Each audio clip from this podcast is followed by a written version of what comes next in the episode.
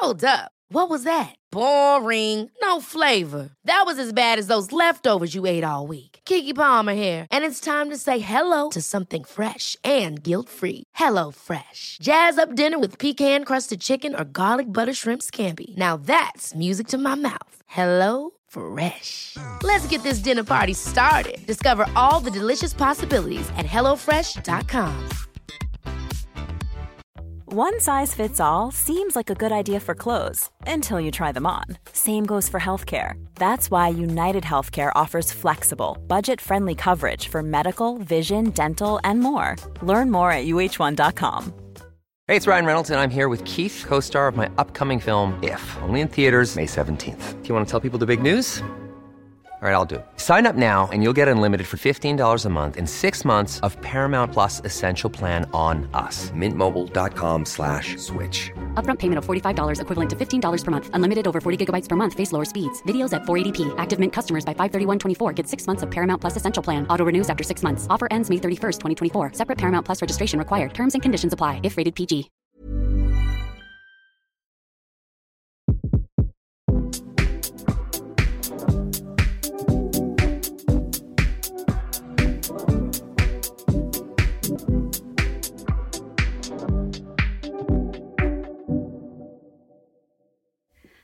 Jeg kan begynne. Jeg er litt kjørt i stemmen, men eh, det tåler vi. Det er litt sånn sexy, sexy, sexy hes her. Sexy hes. Ja. Det er det man blir når man er på treningshelg. Det er det man blir. Man blir supersexy og super, uh, superhes. Velkommen herregud, til treningspodden. Uh, I snakkende stund så sitter, sitter vi og ser på skibakkene her på Geilo. Vi sitter godt planta på gulvet. Fordi jeg er med Jågen Silje, og da sitter vi alltid på gulvet med spredte bein og en pute under rumpa. Eh, vi er på Shape Up Weekend 2023, og vi benytter selvfølgelig muligheten til å spille inn ei lita podkastepisode. Altså, det må vi. Ja.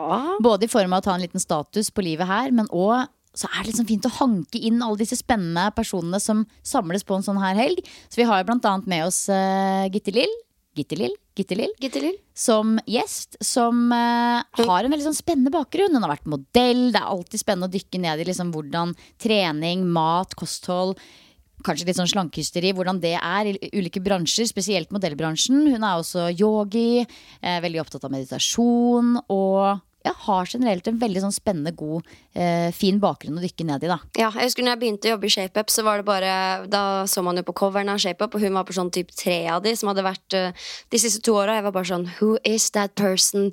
Når du ser henne, så tenker du hun er sånn høy, sinnssykt vakker, og du tenker hun er sånn utilgjengelig, og så er hun bare den råeste, mest neppe dama. Ja.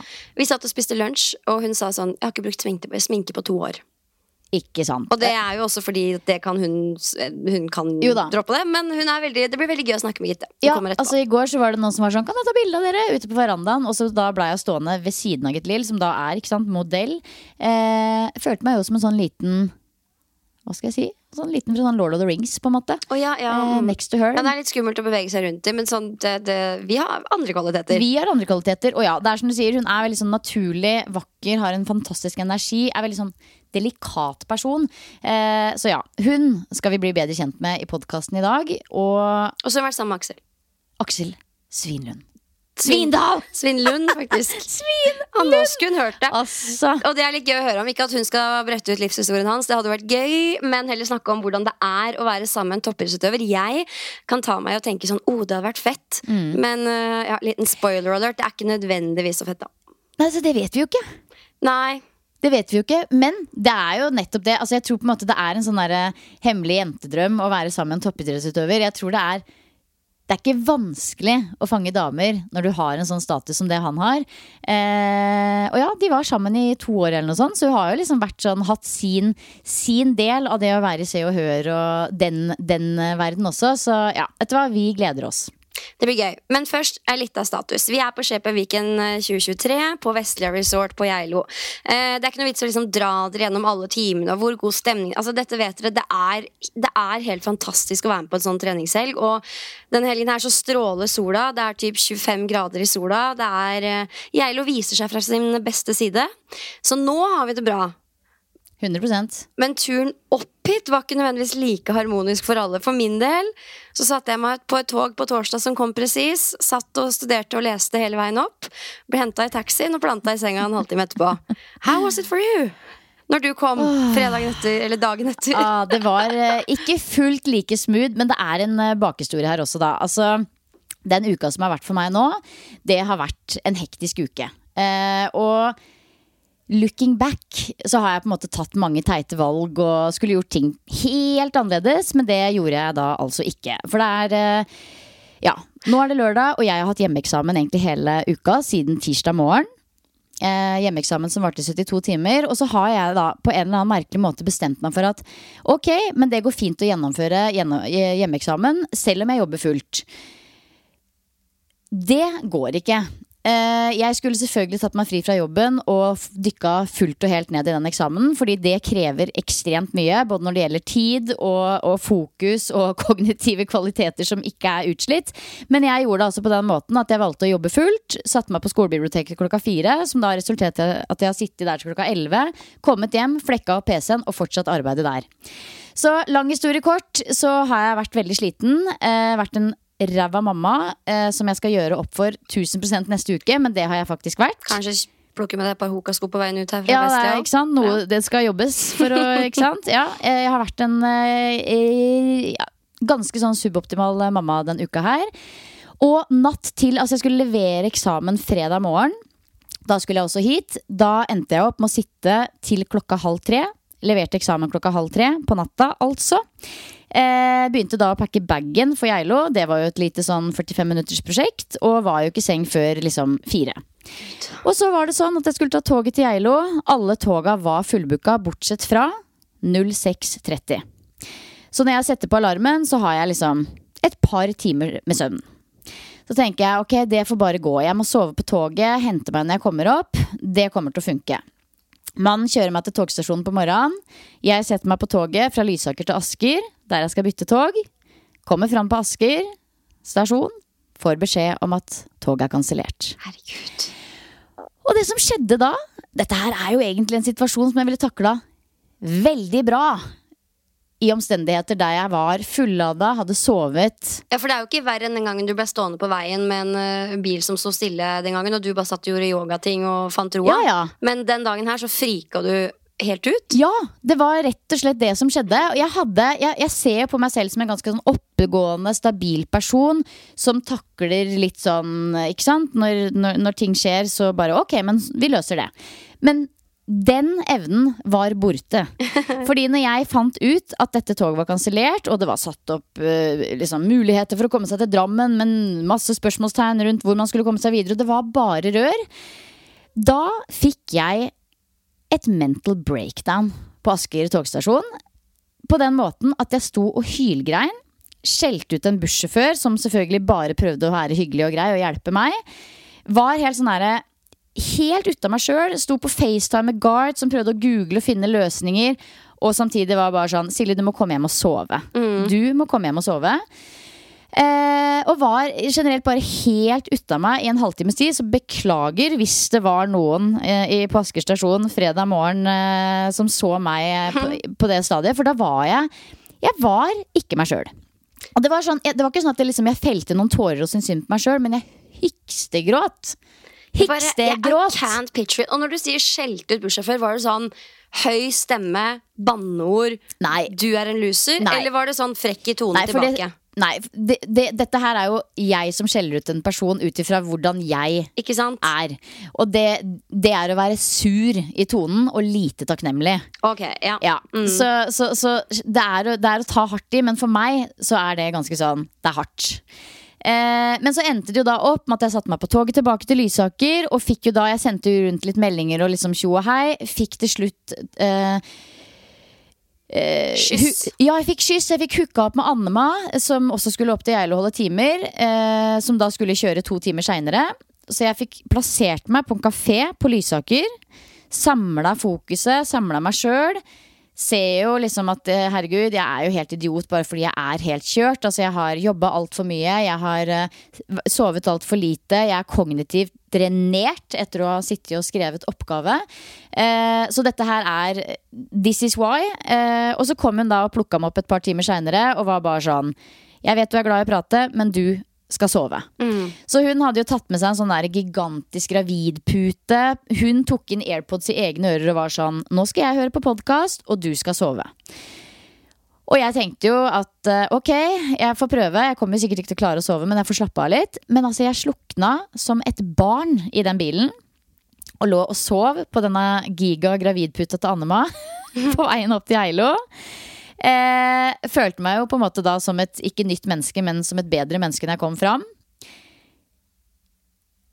Men var på en måte fortsatt så utslitt at jeg ikke klarte å åpne vinduet, for det skjønte jeg ikke åssen jeg gjorde på hotellrommet. Hvis du skjønner Jeg var helt drenert. det er så sjukt. Herregud.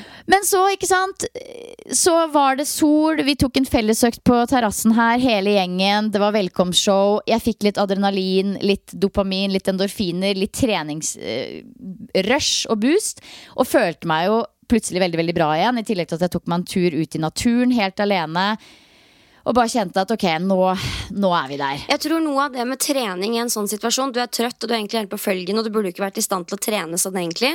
Men jeg tror det er så mye mentale prosesser og følelser. Ja. Og så tror jeg fysisk trening er en så tydelig endring i liksom det som skjer i kropp og Ja. i syke, at det rister på ting. Det s- og ja. dermed liksom endrer det litt, da. For det tenkte jeg mye på når jeg var hjemme med Sylvester. Og da, når man er hjemme med en baby, så sover man jo heller ikke.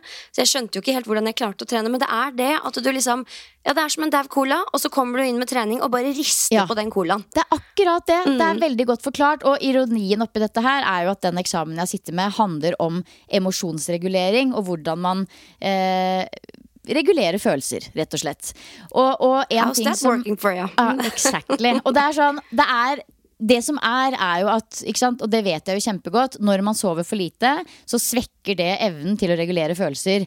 Altså Det virkelig hemmer deg ekstremt mye. Sånn at alle følelser blir ekstremt sterke, og det er vanskelig å skille hva som er liksom Hva som er eh, du, du ser på alt som en slags trussel, og det, og, og det er fortere gjort å bli lei seg, det er fortere gjort å bli sint. Altså det, Du er på en måte Du har følelsene på utsida av kroppen, og du er ikke i stand til å regulere på samme måte når du er på, under, altså når du har sovet for lite, og i tillegg da er stressa. Sånn at jeg vet jo alt dette her. Og jeg er liksom Jeg snakker høyt om det men egentlig så skammer jeg meg litt over det også. At jeg liksom satte meg i en sånn situasjon hvor jeg kunne bli så sliten. For jeg så jo i forkant av dette her at dette blir tøft, men vet du hva? I'm superwoman, jeg kjører på.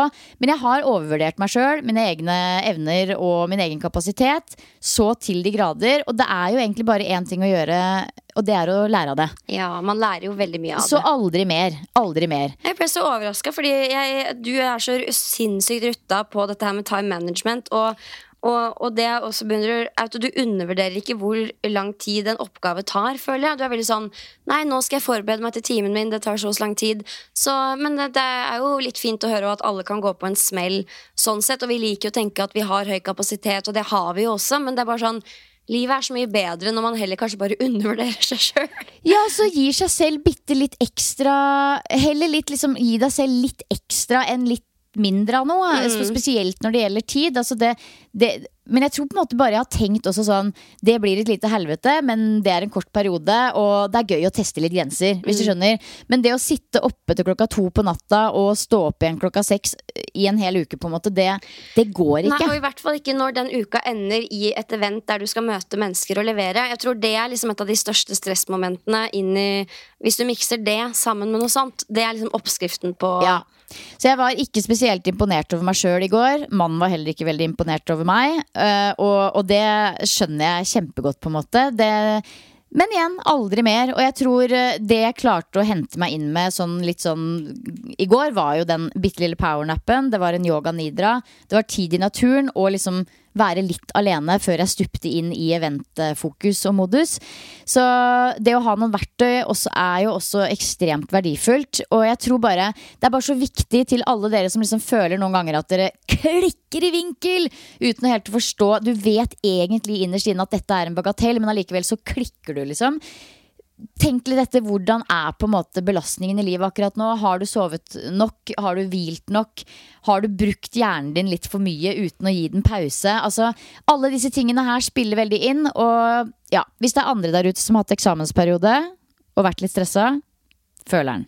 det som er veldig fint med det, er at du viser følelsene dine. At de kom ut. Vi er De så redde ut. for å vise følelser, men du liksom jeg syns det er noe fint. Ja. Det her henger nok sammen med mitt mål om å liksom være mer meg og stå mer i følelsene mine. Ok, Så var ikke følelsene dine riktig, men de er fortsatt reelle. Og de 100%. fortjener liksom kanskje ikke å ageres på 100% men de fortjener å bli sett. Og det er lov å liksom grine, bli sinna være lei Ja. seg. Og det at du kommer opp hit og er menneskelig og forteller det til oss, jeg syns det er så fint. Framfor å skulle være en som sånn Nei, det gikk fint. Det gikk Ja, bra. Også At man på en måte bare kommer opp og tar på seg en maske og later som alt er fin, men egentlig så er man dritsur og blir oppfatta ganske kort også. Ja, for det skaper så mye unødvendig avstand, Ja. istedenfor at vi nesten kommer nærmere hverandre ved å dele hverandres liksom, nederlag og oppturer. Da. Ja, ja. 100% Og nå ser jeg bare på det som liksom humoristisk og lollete. på en måte At jeg kunne ha det der 30 minutter sammenbrudd i Asker i går. Eh, herregud, det er veldig eh, Ja ja, da har man gjort det også, på en måte. Men det er akkurat det med følelser at noen ganger så, så er de urasjonelle, men de er likevel der. Og følelsene våre er vårt viktigste signalsystem. Så det å bli godt kjent med følelser og øve seg på følelsesregulering og emosjonsregulering, det må vi egentlig ha en egen episode om, for Ja. det er kjempespennende. Men også tørre å liksom handle på de på den måten at uh, det her er det siste jeg skal si, men når jeg får en følelse, så kan fort det første jeg tenker, eh, tenker være Er dette rett eller galt? Har jeg rett til å være sinna på denne personen? Hvordan kommer de opp til å oppfatte det hvis jeg blir sinna? Og det er jo en fin runde å ta, men samtidig så er det sånn hvis man føler at jeg er sinna, så skal jeg egentlig drite litt også i hva du syns om det, for jeg kjenner et sinne inni meg. Og det er liksom Vi kan ikke alltid måle følelsene våre opp mot hva andre syns og tenker og mener. Nei, og hva som er riktig og galt. Så er det en bussjåfør som går med det dragsuget, da. Ja da, tydeligvis var det. Så, Jeg, ja. eh, jeg har også sovet litt lite denne uka her og har gr grini litt ekstra noen TikTok-videoer og noen greier, så kanskje det er det. Altså, jeg, jeg satt og grein Ja, ok, så jeg hadde jo en ganske harmonisk togtur, men jeg havna litt inn i eh, TikTok-kaninhullet et par ganger der. Og da kom det opp noen videoer eh, som eh, ja, Det var uh, lite barn som skulle reise videre til en annen verden. Så var det sånn This is the last video of me and my son. Og det Nei. var bare Ja, ikke sant. Uh, så ja, kanskje det er det. Men vet du hva, Pia? Jeg, eh, jeg har tusen spørsmål angående det med å sove lite. For jeg har nemlig sett at du er on a roll med å stå opp tidlig. Dette har jeg da observert via din Instagram-profil. Hva er greia her nå? Nei, greia er Det her har ikke vært mulig å gjøre med Sylvester, som har vært mye oppe om natta. sånn, må, da har jeg måttet sove. Men nå har det begynt å stabilisere seg. Og det i kombinasjon med at jeg de siste ukene har blitt sittende oppe veldig sent for å gjøre jobb som jeg ikke har fått gjort tidligere på dagen, det har inspirert meg til å prøve i hvert fall denne uka her, å stå opp klokka fem. Få unnagjort den jobben grytidlig, sånn at jeg heller kan legge meg tidligere. For nå, altså, når jeg hører sånn som du, at du står opp og trener før ungene står opp, så blir jeg sånn åh, jeg vil òg, men jeg har ikke hatt mulighet til det. Så hvis du har et lite barn der hjemme og tenker det samme, så er det bare å senke skuldrene. Det er ikke tilgjengelig for deg nødvendigvis, men nå det det, er det det for meg, så jeg har testa det. Og det er jo veldig deilig, men det er også vanskelig å legge seg tidlig nok. Ja, altså det er utfordringen, og jeg tror det handler jo helt om du er A Det handler om veldig mange ting, men om du er A-menneske eller B-mennesker. Men jeg 100 har så mye mer mental kapasitet til å jobbe med ting og få trent og meditert og gjort de tinga som er viktige for meg på morgenen eller på kvelden. Altså sånn, Det å sitte oppe seint og jobbe, for meg det er ganske sånn usunn trend. Ja, og det er så Um, aktiverende. Det er sånn, ok, Når du sitter og fulgt opp eh, 40 personer, og så skal du gå og legge altså det, det, Det bare, gir ikke mening i det det hele er ikke noe ro i det. Nei. Og da istedenfor å gjøre det, så tror jeg faktisk veldig på det du er inni nå, selv om det bare er et lite eksperiment først og fremst nå. Teste det ut. Så tror jeg veldig på at hvis du klarer å få lagt deg tidlig nok, for da skal man jo tross alt legge seg veldig tidlig når du er oppe fem. Jeg har jo den 05.45, og det føler jeg det er stor forskjell på. Eh, men hvis du da klarer å få lagt deg halv ti-ti, får kvalitetssøvn, så er det jeg er helt overbevist om at for veldig mange så vil det være den tiden på dagen hvor du er råest. Det, jeg, ja, og det jeg gjør, er at jeg står opp, og det koster meg virkelig ikke mye å stå opp. Jeg er sånn derre åh, yes, jeg kan stå opp nå og få unna masse før jeg leverer barnehagen. barnehagen. Og det er så utrolig, og det henger nok også sammen med at jeg jobber med å følge opp mennesker, og da føler man veldig på at åh, jeg må, jeg må svare de. Og det er ikke noe ålreit følelse å ha med seg til, til lunsj, liksom. Eh, så det å få satt seg ut i dagslys, få noe dagslys på øyet Ja. så tidlig som mulig, God kopp kaffe, sitte ute på terrassen der og jobbe. Det har vært, det har vært kjempedeilig. Um, og så kan jeg dra på trening etter at jeg har levert i barnehagen, og vite at jeg har gjort litt jobb allerede. du føler at du leder i livet uh, når Ja. du står opp sånn så tidlig. Ja, og da er igjen bare utfordringen at da er PC Da er det liksom, da er du ferdig for dagen på ettermiddagen, på en måte. Ja, og det er det òg, for det er jeg jo. Ja, det er det. For første gang på lenge så Ja. står jeg ikke og tenker på at Å, nå ser Sylvester et annet sted, da kan jeg svare på en mail. Eh, jeg er faktisk ferdig, og det er bare en så utrolig god følelse. Ja. Ehm, men utfordringen er å få lagt seg tidlig nok, og det har fort bikka liksom mot uh, tidraget. Jeg vil gjerne være i seng til ni, Ja. og denne uka så har jeg nok fått litt for lite søvn. Uh, men uh, det får jeg nesten uansett, holdt jeg på å si. Så jeg tror jeg kommer til å fortsette litt, i hvert fall på den tida her. Ja, det er noe med tida òg. Det, Mm. det er annerledes å stå opp klokka fem i februar enn det er nå i juni. på en Mm. måte Men jeg, jeg syns det er kult at du prøver det, for jeg tror det er veldig fort gjort å havne i en sånn skikkelig dårlig syklus med å sitte og jobbe ueffektiv eh, trening Nei, um, ueffektive timer med jobb på kveldstid. Mm. For det selv om du kanskje tenker at man, man er effektiv, så sorry, man er ikke det. Ikke nødvendigvis. Nei, Og så er det jo også noe Altså, Jeg har jo sprengt noen grenser, ikke sprengt noen grenser, men det er jo uvant å trene en tung styrkeøkt klokka seks om morgenen. Men der sto jeg og testa tre RM i bulgarske splittbøy 0632, liksom. Ja. Og det går. Ehm, og så det er jo en liksom heads up til alle som har vanlige jobber og tenker at det er helt sjukt å stå opp og trene før jobb, men det er tilgjengelig for oss. Ja, jeg har jo to faste 06 til 07 økter i uka. Eh, Det er religiøst, på en måte. Og det Altså det, det, er, det handler om vane, sånn som, om, sånn som alt annet. Det er en vane og en rutine. Og mye heller det enn å stå på gymmet klokka åtte på kvelden for min del. Mye heller Ja, det! ja. Så jeg, Nei, men det er gøy Ja. at, du, at du tester det her. Jeg har jo, for jeg vet jo at du er Vi er jo litt like, vi er jo litt sånn A-mennesker begge to, på en måte, og heller mer mot den typen. Og, og det jeg tror det er veldig bra for oss. Det eneste er det der å få lagt seg tidlig nok, for det er superduperviktig. Hvis ikke så brenner det jo lys i begge ender. Men får man til det, så har jeg veldig troa på det. Og når det gjelder eh, meditasjon, for min del også, så er det liksom Det er da det blir gjort. Det, er da det, det er da det blir gjort. Og også når man har familie, barn. Det er alltid noen i huset. Det er liksom, nå er det, for min del, det er ikke det at det liksom bare er barn og mann. Det er liksom sykt mye andre kids òg, på en måte. Så, så det er veldig deilig å stå opp tidlig og ha en time aleine i huset på morgenen òg. Mm. Ja. Nei, men det er gøy. Det er veldig gøy å høre at du tester. Ja, jeg har lagd en YouTube om det, så hvis du er gira, så ligger den på YouTube-kanalen min. Helt nydelig. Og ikke minst, jeg må bare si én siste ting som er positivt med det også. Det med å jobbe tidlig kontra seint. Med kvalitetstid med mann.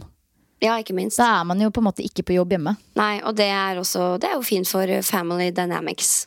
Absolutely. Eh, nå skal vi hvert øyeblikk eh, gå og hente Gitte-Lill, og så skal vi snakke litt med henne om eh, ja, det dere vet. Koser du deg på Shape Weekend, Silje? Jeg gjør det, altså. Jeg gjør virkelig det. Altså I dag så starta jeg dagen med å holde en vinyasa-klasse, som er alltid sånn det er verdens beste måte å starte dagen på, syns jeg. Eh, og så fikk jeg også gått på en vinyasa-klasse med Gitte Lill, som var bare sånn Jeg lukka øynene, var i det, gjorde sikkert helt andre ting enn alle andre, for jeg bare stolte på den verbale instruksjonen og hadde liksom en sånn ordentlig moving meditation session med meg sjøl. og så skal vi vel kanskje også gå på en yin-yoga-time sammen. Det skal Ja. vi. For i og med at jeg har vært såpass eh, sliten som jeg var i går, så har jeg egentlig gitt meg selv en liten sånn Jeg har egentlig lyst til å springe rundt på andres, andres timer hele dagen. Jeg, sånn back to back har jeg lyst til å delta på andres timer, men jeg tror for meg i dag så er det litt viktig å begrense det og bare gå på yogatimer, egentlig. Fordi eh, det er liksom ikke noe poeng, på en måte. Så, så for meg så er det yoga i dag, og så koser jeg meg bare med liksom viben ellers her. Og så mm, gleder meg til å gå på yin etterpå og lande skikkelig med Gitt Lill. Åh, det blir deilig. Jeg hadde jo klokka på fem i dag òg. Jeg. jeg var litt seig i senga. Ja, for hva gjorde du da? Nei, Jeg tok meg en liten kaffekopp, og så var jeg på Åh, Jeg var på plass i styrkerommet og kjørte en styrkeøkt. Men helt ærlig, jeg har vært der, jeg òg. Ja, En, en halvtime overkroppsstyrke. Vi er så nerder. Men det er bare fordi etter den cardioplay-timen min Jeg hadde en aerobic-time på terrassen her i solsteika. Masse hyl, brøl, endorfiner. Moro, moro, moro. Men da er jeg så høy etterpå at jeg klarer ikke å sette meg ned og ta en samtale eller lunsj. Ingenting. Så da gikk jeg faktisk bare sneik meg ned der og, og liksom bare fant meg en krok og trente overkroppsstyrke en halvtime. Og da fikk jeg liksom faktisk landa Ja. litt i det. Og det er jo noe av det som er deilig med å være på Shape Weekend med de menneskene som er her, fordi de skjønner det. Det er ingen Ja. som ser rart på deg for at du Det er ingen som ser rart på meg for at jeg dro og trente styrke klokka seks, faktisk. Eh, Var det noen andre der nede? Eh, Ja, de kom, de kom relativt kjapt, Mm. men jeg starta, starta solo. Ja, nettopp. Eh, og det, det, du, du er med likesinnede, og det er kjempedeilig. Så etter at jeg var ferdig med det, så, så eh, var jeg klar til å ha timen min klokka åtte. Hadde en sånn utstyrsfri eh, crossfit-inspirert eh, økt. Deretter var det frokost. Og så, ja, har jeg bare hengt rundt litt og kosa meg og styra og ordna. Og det skal vi fortsette med. Vi skal ha på gin sammen, og så blir det middag og show i kveld, da. Treretters middag. Ja, det blir Det store spørsmålet da, blir det nok mat? Ja, nei, jeg er glad jeg har noe proteinbare liggende her, for å si det sånn. Det første jeg sa til Sonja, bare sånn, ja, ja, bare hamstre opp borti gratis. eh, Altså, fordi liksom, Når det er buffé, da er det, da er det, no worries. Du vet du får fylt opp eh, godt da, liksom. Da blir du god og mett. Men eh, når det er treretters, da er det alltid, alltid spennende om man blir god og mett. Ja, det er blomkålsuppe til forrett, kalv til hovedrett, du får sikkert noe annet da. Eh, og Du har allerede undersøkt. Det var eh, en, en av de andre instruktørene som hadde gjort det. Ja. Kan jeg bare fortelle en sjukt hyggelig hva ting som skjedde Nei, dessert. Desserten var en sånn merkelig kake som hun aldri hadde smakt før, men som visst var sjukt god. Okay. Jeg og Tonje vi kom opp på torsdagen, og så satt vi nede i hotellrestauranten ish der. Det er bare der hvor man henger. Så sitter vi og prater og har det jævlig hyggelig, og så er det en fyr som snur seg og bare sånn Hei, det her, er, det her er kanskje rart å spørre om, men jeg har spist en burger, og jeg har hele denne massive, digge skåla med søtpotetfries som jeg ikke kommer til å spise. Jeg må gå nå. Vil dere ha det? Og jeg bare sånn Hvem er dette mennesket? For en fantastisk ting å gjøre. Ja, men er det bare meg Hvis jeg er på middag med venninner, og sånn Og de har spist typ halve maten sin, det er sjukt i seg sjøl. Men at de da ikke spør Er det noen som vil ha dette.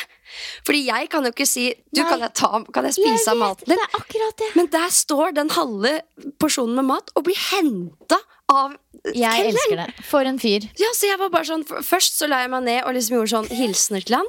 Og så spurte jeg sånn er ikke, Men er ikke, du, er ikke du kjendis? Altså sånn, jeg har sett deg før. Så var det Daniel Kvammen. Nei. Og han er jo så søt. Han var jo han, Så nå ble han i hvert fall søt. Ja, han er veldig søt. Ja. Han er jo herfra.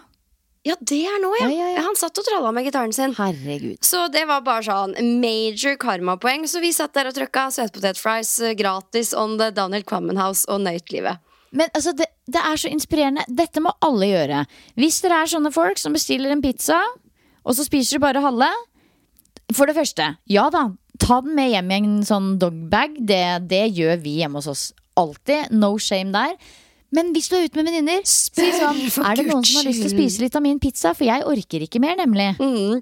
Og det er sånn Mine venninner kjenner meg så godt. De vet at jeg vil ha resten av maten din. Så hvis de ikke spør, så blir jeg sånn Er det for å fucke med meg, liksom?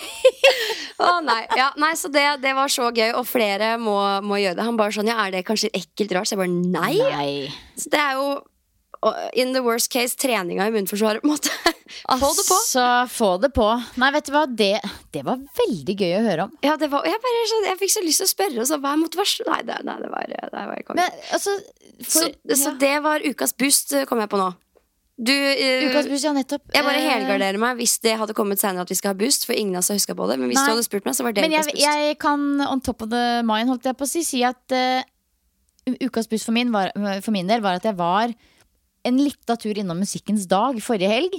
Som er Musikkfest Oslo. Jeg vet at det heter det nå, men for oss som er litt eldre, så er det alltid. For alltid Musikkens dag. Og det, er, det har vært et litt sånn høydere tidligere i mitt liv, før liksom alle fikk barn og sånn. At vi, det var champagnefrokost, og vi satte opp program, og vi skulle fra hit til dit, og til den scenen og den scenen, og så endte vi alltid opp på Dattera til Hagen og dansa. Og, og sånn har det jo ikke vært på mange år, men så var, jeg der, så var jeg der nå litt sånn tilfeldig. Og selv om jeg egentlig bare satte meg ned typ ett eller to steder og liksom drakk noe mango duckeries på en måte og koste meg, så var det likevel bare det å kjenne på den Oslo-energien. Fordi det er Oslo-energien. Altså, du trenger ikke lenger å dra til Oslo. Oslo har alt vi trenger. Og jeg bare elsker atmosfæren på Musikkens dag, og generelt bare Ever catch yourself eating the same flavorless dinner three days in a row? Dreaming of something better? Well, HelloFresh is your guilt free dream come true, baby. It's me, Gigi Palmer. Let's wake up those taste buds with hot, juicy pecan crusted chicken or garlic butter shrimp scampi. Mm. Hello Fresh. Stop dreaming of all the delicious possibilities and dig in at HelloFresh.com. Let's get this dinner party started. One size fits all seems like a good idea for clothes until you try them on. Same goes for healthcare. That's why United Healthcare offers flexible, budget friendly coverage for medical, vision, dental, and more. Learn more at uh1.com. Hiring for your small business? If you're not looking for professionals on LinkedIn, you're looking in the wrong place. That's like looking for your car keys in a fish tank. LinkedIn helps you hire professionals you can't find anywhere else, even those who aren't actively searching for a new job but might be open to the perfect role. In a given month, over 70% of LinkedIn users don't even visit other leading job sites. So start looking in the right place. With LinkedIn, you can hire professionals like a professional. Post your free job on linkedin.com slash people today. Oslo på den tida her av året. Ta seg en tur på Sørenga, bade litt. Elsker det. Så det var min ukas boost. Du hadde en fin dag. Veldig bra dag. Kosa deg fælt. Ja, yes. det var det. Det ble sent, og det var gøy. Det Rufus-albumet kommer aldri til å bli det samme for min Den er veldig intern. I will never forget. Ok, vi henter Gittus til det Lillehus.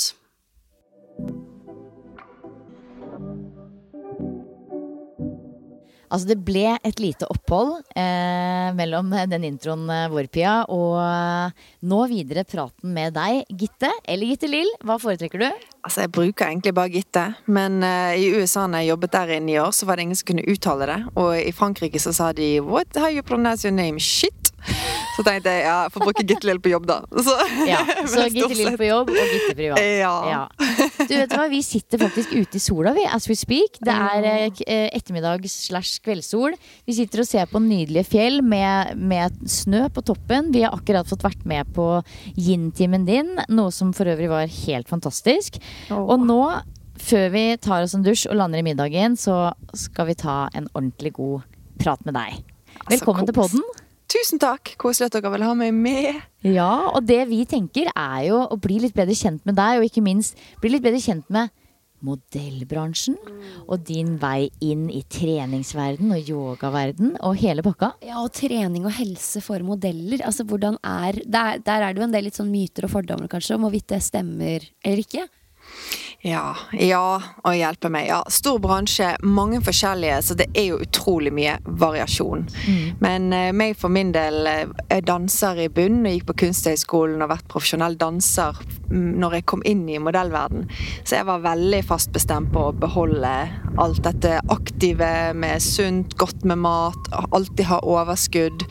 Så for min del så, eh, så var det å holde seg i hvert fall to solide størrelser over det som kanskje er det mest vanlige internasjonalt. Og ha et eh, sunt og godt liv. Og, eh, men for noen så er det ja. Ja, for akkurat dette må vi jo 100% snakke mer om. Men hvis vi tar det litt fra start da. Du er danser i bunn. Hva er på en måte bakgrunnen din og historien din?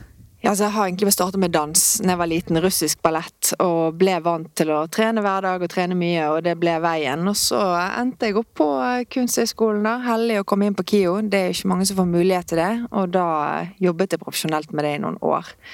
Men eh, når du er litt sånn unaturlig høy, så får du av og til spørsmål om å bli modell. Og det var det som skjedde. Ingen, når ingen av klærne i butikken passer deg, da blir du spurt om å bli modell. Hvor ironisk er ikke det? Hvor høy er du? 1,78. 1,78. Ja. Så da, så da ble det det internasjonalt, for jeg var jo vant til å ikke tjene noe penger vet du, som danser. Da var det enda mindre penger enn man hadde som student på studentstipendet. Det er litt bedre ordninger nå etter hvert, da. Det har blitt litt mer eh, tak i det. Men eh, da ble det ni år. Jeg trodde hele tiden det skulle være tre måneder til, men det ble ni år i New York som modell. Fy søren. Ja, I alder ja det var vel eh, 20 Var det 22 jeg begynte, eller? Jeg husker jo ikke engang. Jeg husker jo veldig godt når jeg begynte å jobbe som, eh, altså for ShapeUp mens jeg studerte. Så lå, det lå jo alltid gamle utgaver av ShapeUp der, og da var du på liksom typ tre av de coverne. Jeg bare sånn, Hvem er denne flotte jenta her?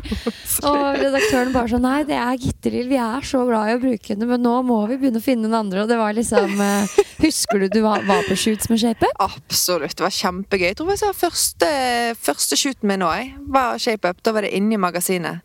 Det, det har faktisk det fortsatt. Oh, det Og jeg husker forsiden òg, for det var så tidlig i jobben at det var ordentlig stas. Og så fikk jeg gjøre litt sånn danseting, og det syns jeg var ekstra stas. sånn. Så, så det, de husker jeg godt. sant? Og på den tida, da var det ikke Nå er det jo mer vanlig å bruke altså, jenter og i alle former og fasonger, takk for det, men på den tida så tror jeg det var vanlig å liksom, bruke rene modeller. Og på sett og vis så var det også enklere når man skulle ta coveret, fordi du merker jo modeller som har det som jobb. Det er enklere å ta bilder av de enn vanlige folk, logisk nok. Men det var vanskelig å finne modeller som passa inn i shapeup-sfæren, fordi alle var så innmari, innmari tynne, da. Ja. Um, så det, der kom du inn som et friskt pust. Men eh, hvordan, Ja, hvordan var det i New York? Opplevde du noe ubehagelig der med tanke på at du var Altså, var du, var du større enn det de andre var? Ja, det var jeg, men eh, jeg tror den der bakgrunnen som eh, med russisk ballett og eh, holdt på å si, Det blir ikke akkurat sydd puter under armene på. Så Man blir vant til å ta ting med en klype salt, som jeg og Hedvig satt og mimret her i sted om Hedvig Bang, som også har jo hatt den veien fra danser og inn i andre bransjer. Og da lærer man jo litt og så la ting gå inn en øre og ut andre. Så eh, når jeg har hører noe ord som ligner på å slanke seg, så går det rett og slett ut av andre øret. Så bare nikker jeg, og så tenker jeg på noe helt annet hva jeg skal til middag. Ja, for det, det, det er jo, ikke sant, dette her med, med, med slanking og, og ja. alt dette her. Det er jo ikke så veldig vanlig at man er i en bransje der hvor det på en måte blir en oppgave i jobben. Er det sånn at du får noen ganger beskjed i jobben som modell om at du passer til dette oppdraget, men da må du slanke deg litt? Altså Det du gjerne får beskjed om, er hva som er sample size. Så får du beskjed om sample size er to størrelser mindre enn deg, så det blir mest sannsynlig mindre jobb. Så det er heldigvis ingen som sier at du må det ene og det andre, men du får litt beskjed om finn deg en ny jobb hvis ikke du passer inn, fordi de lagde før bare i én størrelse. Men dette er jo under utvikling. Og eh, i USA, så når jeg lot det gå inn det ene øret og ut det andre, så eh, startet jeg faktisk opp som plus size-modell der. Eh, og jeg syns jo det er hårreisende. Det er, fordi da var du jo ikke noe større enn det du er nå, regner jeg med. Og det er ikke sant. Du husker jo man liksom måtte gå til legen for å få, for få p-piller den gangen. og Så tok de sånn BMI back in the day når det var en greie. Og da sa legen sånn Ja da, alt er liksom greit, du skal få p-piller du, og, men eh, du er liksom Du er rett unna undervektig, så ikke gå noe ned i vekt. Ah, nei, nei, det er greit, det liksom notert. Og bare tre timer seinere så eh, ringer byrået og bare 'Du har fått kontrakt som plus size-modell i New York'. Jeg var ironisk. Undervektig plus size-modell. Flott. Herregud. flott verden vi har skapt. Men har du noen gang i din historie som eh, altså både treningsjente, danser, modell, der hvor kroppen er ditt viktigste arbeidsverktøy, har du noen historie? For nå virker du sånn superchill på egentlig det meste. Også mat og helse og trening, det lille vi har snakka om det. Men har du på noen periode i livet ditt gått inn for å manipulere kroppen? Altså brukt trening og mat som et verktøy for å bli tynnere? Liksom, har du noen gang beveget deg nedover der? Har det alltid vært sånn? Nei, nei, fuck that. Altså, Dansekarrieren og dansetiden er så hard at uh, hvis det er noe som er en utfordring, så er det å gå tom for energi. Så jeg tuller ikke når jeg sier at jeg spiste et helt brød i lunsjen på KIO. Så det eneste jeg har hatt forhold til det, er å kjenne på den følelsen av å gå tom før forestillingen er ferdig og stå og spy i vingen fordi at du valgte å spise McDonald's dagen etterpå, og det er ikke nok næring. Så det er egentlig det. Altså, jeg har fått et veldig fokus på hva som er næring, og kjenne hvilken mat er det som gjør at jeg klarer de åtte timene med innstudering, og så tre timene med forestilling, og så på'n igjen neste dag. Så jeg har vært heldig med det perspektivet. Så da har jeg faktisk aldri giddet å prøve å passe inn i noe, noe mindre. Jeg har faktisk aldri giddet å prøve. Nei, for da har du heller tenkt at ok, hvis jeg ikke passer inn i dette oppdraget, så tar jeg ikke det oppdraget. Ja. Da får det heller være. Jeg har vært så heldig og ikke bry, jeg bryr meg virkelig ikke om mote. Bryr meg ikke om klær. Og det har vært en styrke. For da har jeg ikke hatt noe å miste. Det er jo i det folk har noe å miste, og de tenker men jeg har så veldig lyst at vi begynner å gå på kompromiss med oss selv. Det har jeg heldigvis ikke hatt, for jeg virkelig bryr meg ikke. Jeg bryr meg om natur. Så da har det vært sånn Det er en jobb som betaler endelig noe som helst, siden dansing betalte ingenting.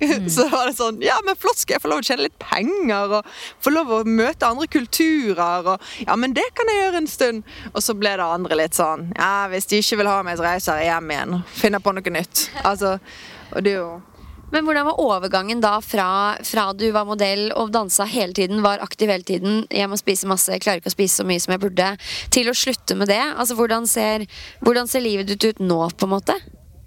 Ja, jeg skal være ærlig og si at jeg brukte mange år på å trene meg ned. Så, eh, så jeg passet på at for at jeg ikke plutselig skulle gjøre en stor endring, så trente jeg liksom en time mindre i perioder. Og da automatisk ble jeg mindre sulten.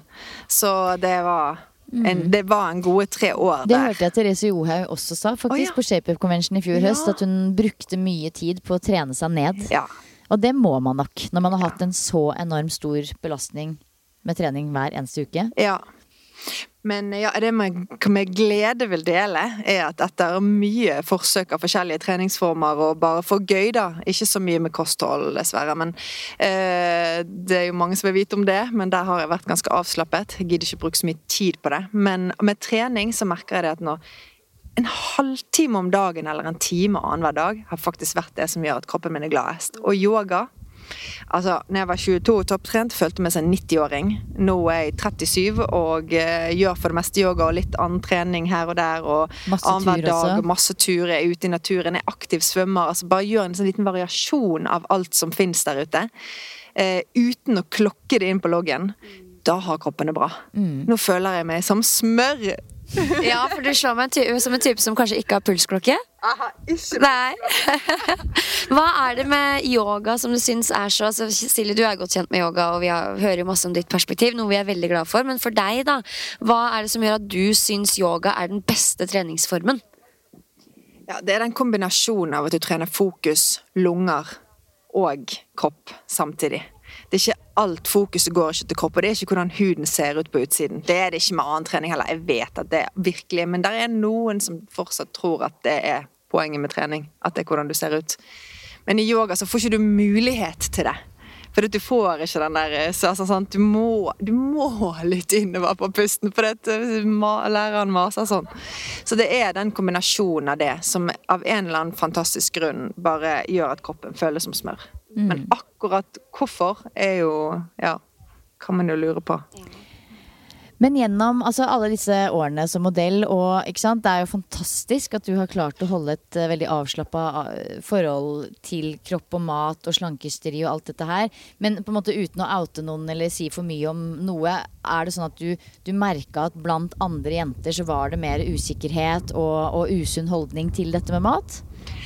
Ja, det er dessverre også veldig mange unge, og det er mange andre kulturer. sant? Russland, de er sendt ned der fra familien for å tjene penger så familien kan bygge hus til lillesøsknene. Altså, det er jo helt andre livssituasjoner enn det. For, alt, for for oss er alt lek.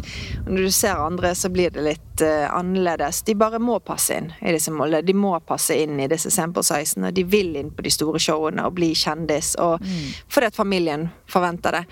Og uh, nå har ikke jeg følt sånn veldig mye med, jeg skal være helt ærlig. Jeg holdt meg ganske unna modellbransjen egentlig, og var mest med danserne, som jeg kjente fra back in the day. Men jeg vet jo at det er mange som ikke kunne noe om mat. Og det var ikke noe oppfølging fra byråene å lære noe om mat. Det er mye bedre nå, det må jeg si. Nå er det både på dette med retusjering og at det er et variasjon i størrelser, er mye bedre nå, men vi har fortsatt en vei å gå. Det er fortsatt en catwalk-del som jeg er ganske sikker på at uh, det er veldig få prosent av mennesker som har en genetikk som er så lang og smal. Og det er mange av de som unngår å gjøre mye gøy fordi at eh, de er redd for at kroppen skal forandre seg på en eller annen måte. Men det er lite kunnskap. Det er det eneste jeg har sett. Det er veldig lite kunnskap om næring og om eh, hva kroppen trenger for å fungere optimalt. Tar du noen oppdrag nå?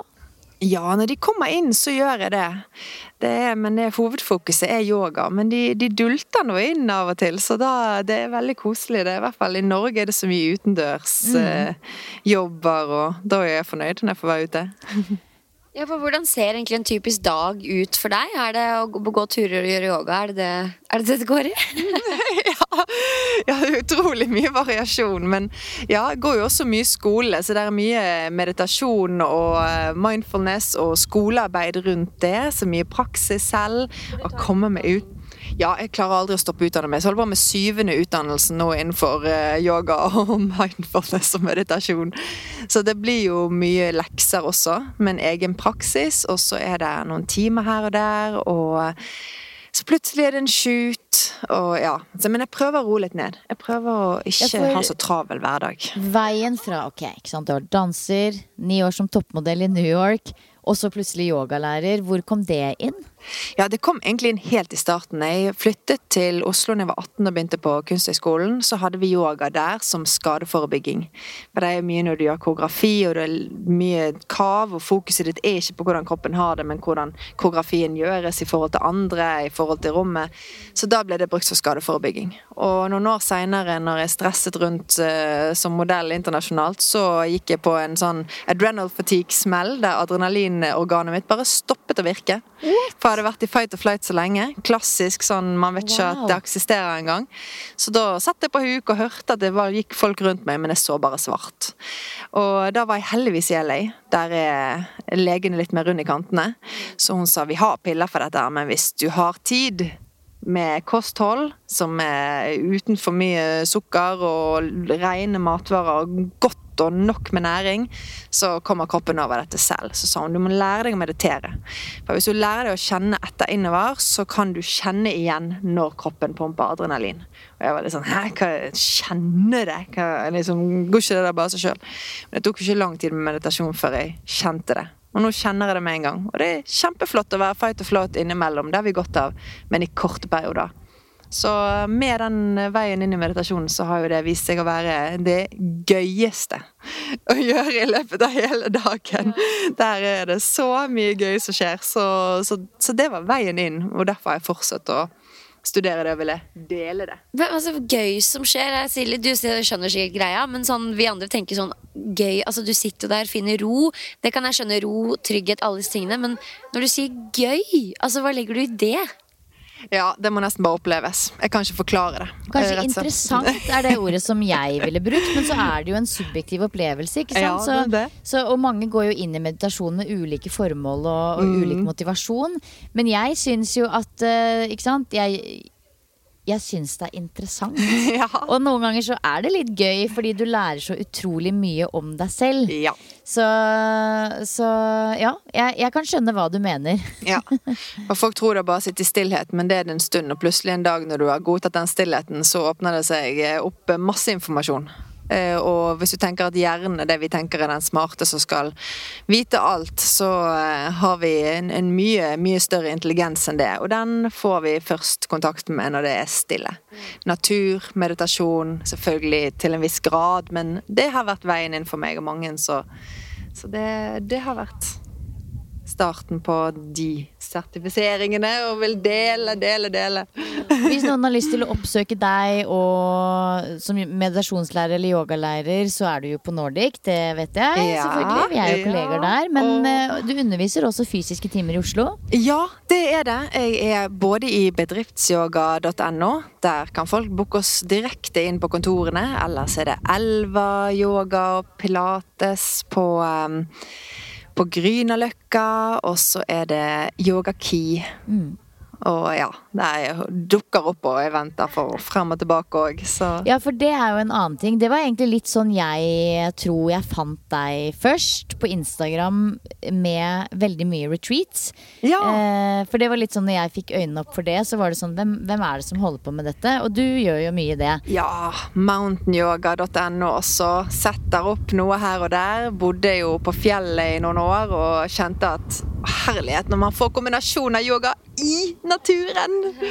Det er jo bare Det er en luksus. Altså, jeg ble så lykkelig. Jeg hadde jo gleda meg til å gå på inn med deg hele dagen. Og den skulle egentlig være inne denne timen. Men når jeg forsto jeg innså at timene var flytta ut på gresset. Da ble jeg så glad at jeg nesten begynte å grine. Fordi det er altså, altså yoga eh, på sommeren ute i sola, det er en så kort periode her i Norge at det er en sånn kjempeluksus. Og det er virkelig, folkens, jeg bare sier det. Hvis det er noe dere burde gjøre i sommer, få dere en yogamatte og ta med dere praksisen ut. Det trenger ikke å være mer enn å bare liksom gjøre noe katt og ku og legge seg ned i barnets posisjon. Ja. 10-15 minutter, så gjør du yoga ute. Og det er Ja. magi. ja rett og slett. Ja. Sleng deg i gresset og pust. Ja. Samtykkende. Jeg nikker samtykkende her, dere. ja. Og det, eh, altså apropos også Instagram og liksom sånn, så har du jo også en hund. Som jeg for første gang fikk møte forrige uke. Fordi jeg har jo sett denne hunden, og folk eh, pladask for denne hunden. For du er jo en sånn skikkelig turjente og har en sånn husky, eh, nydelig sånn der, Det ser ut som kommer fra sånn holdt jeg på å si ikke Lord of the Rings, men sånn derre Altså, det er en så fantastisk hund. Og så møtte jeg henne nå forrige uke, og hun er jo ikke bare en fantastisk hund, men hun er jo den største hunden jeg noensinne har møtt. Ja, Hun er litt for voksen. Det er mye hund. Ja, det er mye hund. Det er mye hund. Hun ble litt større enn alle hadde trodd, hun, ja.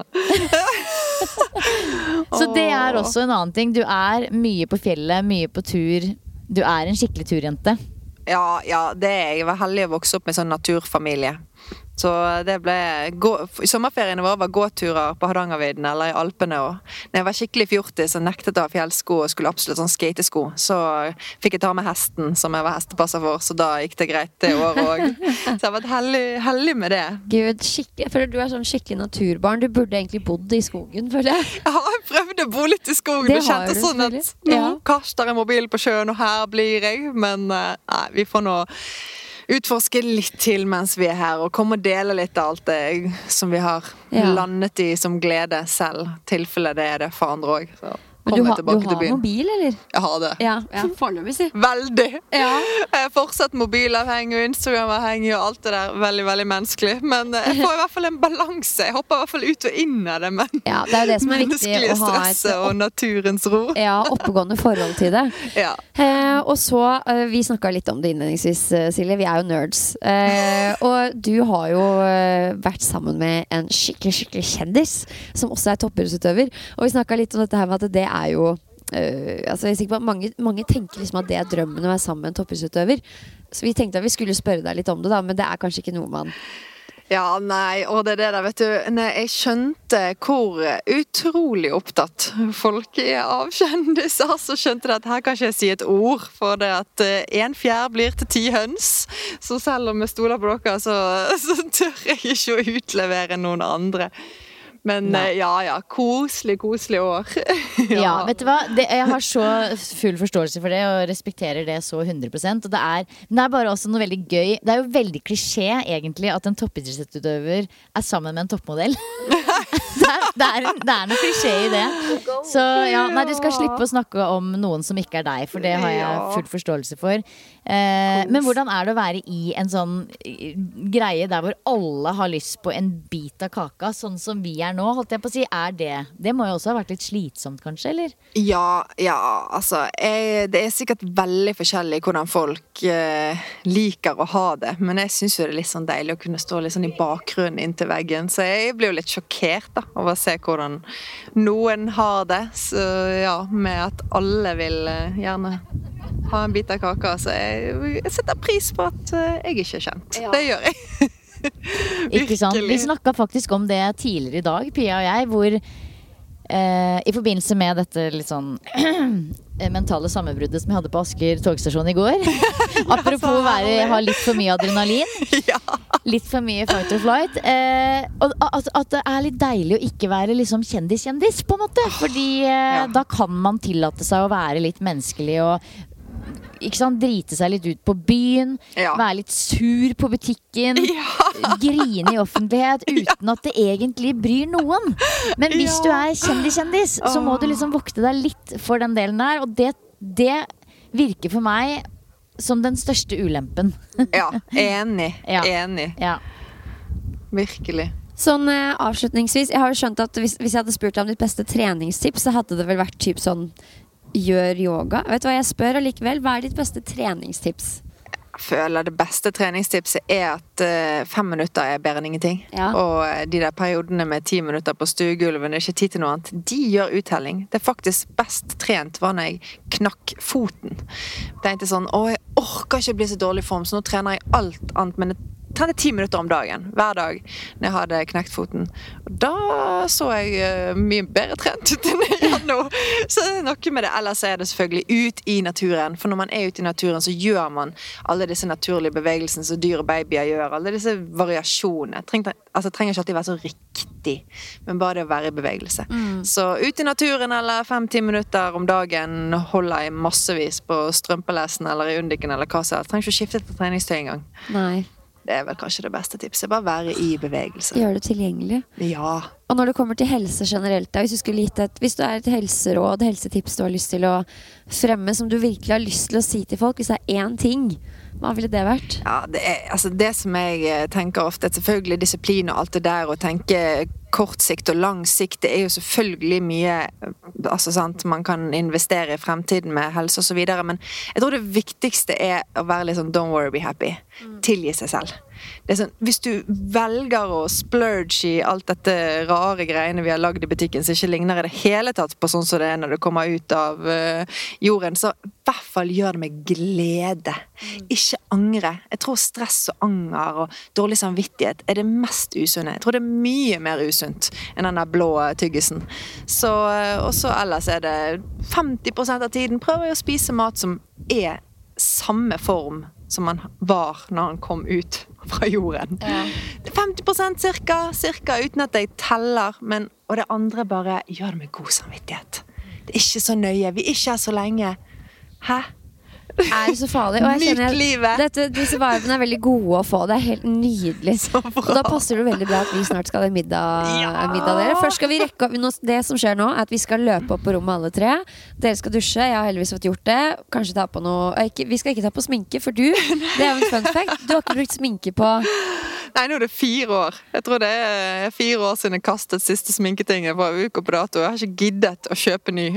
Og det er deilig. Så deilig, så nå skal du egentlig bare opp og ta på deg noen andre klær, du. Altså, Det er den som du skal. ta en dusj, splæsja noe nypefrøolje i ansiktet, og så er jeg klar. Ja. Ikke sant. Ja. Eh, du skal sikkert gjøre noe av det samme, Silje. Jeg tar på meg litt maskara og greier. Jeg, altså. Ja, koser Det blir sminke her òg. også. Jeg må ærlig innrømme at jeg syns det med sminke er stress. Men så er det liksom også en sjelden gang iblant, sånn som for eksempel nå, når vi skal på en treretters middag, ta et glass champagne. Da liker jeg liksom å dra på med litt sminke òg, bare fordi jeg liker liksom den derre endringen i ansiktet mitt. Eh, så, så, men det er både òg. Jeg elsker ikke at sminke er liksom litt sånn greie som man føler man må ta på her i Norge. For det må jeg innrømme at når jeg er i Australia aldri sminke. For der er man liksom litt natur, man har litt naturlig glow. Man er litt sånn jeg føler, det, er, det er et helt annet Jenter bruker ikke så mye sminke i litt varmere land. På en måte. Så, så når jeg kommer tilbake til Norge, så er jeg alltid sånn Nei, vet du hva, nå skal jeg slutte med sminke. Har ikke gått med sminke på mange måneder. Ja. Og så er det dag to på med maskara. det er liksom det viktigste. Det føler jeg gjelder alt. Sminke, blått tyggis eller hva som helst. Hvis man har lyst til det, og Mm. Ja. glede Ja. av det. Ikke hvis man begraver uh, traumer og følelser med det som Nei. en vane og et mønster. Sant? Det er jo der meditasjon kan gjøre at du får gjenkjenne. Er det et mønster? Setter jeg nå et plaster på noe annet med å gjøre dette, eller er det glede? Ja.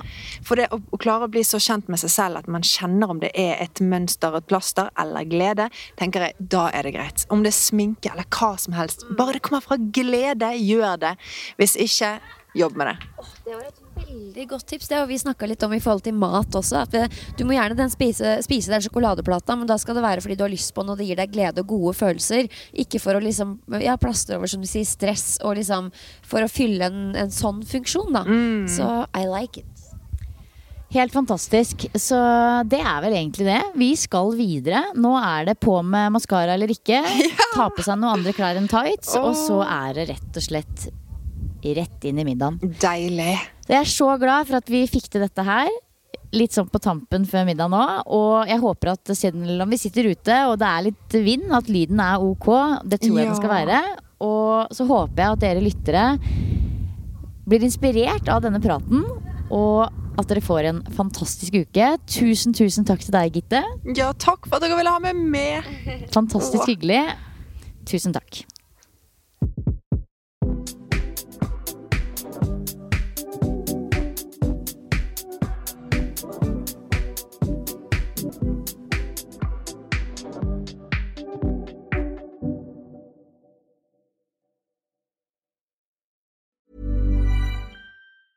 Ever catch yourself eating the same flavorless dinner three days in a row? Dreaming of something better? Well, HelloFresh is your guilt free dream come true, baby. It's me, Kiki Palmer. Let's wake up those taste buds with hot, juicy pecan crusted chicken or garlic butter shrimp scampi. Mm. Hello Fresh. Stop dreaming of all the delicious possibilities and dig in at HelloFresh.com. Let's get this dinner party started. This message comes from BOF sponsor eBay. You'll know real when you get it. It'll say eBay Authenticity Guarantee. And you'll feel it.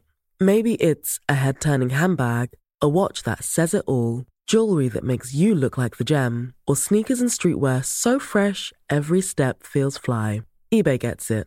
So look for the blue check mark next to that thing you love and be confident that every inch, stitch, sole, and logo is checked by experts.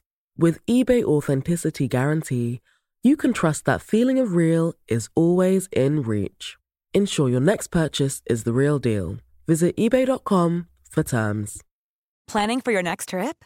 Elevate your travel style with Quince. Quince has all the jet setting essentials you'll want for your next getaway, like European linen, premium luggage options, buttery soft Italian leather bags, and so much more. And is all priced at 50 to 80% less than similar brands. Plus, Quince only works with factories that use safe and ethical manufacturing practices.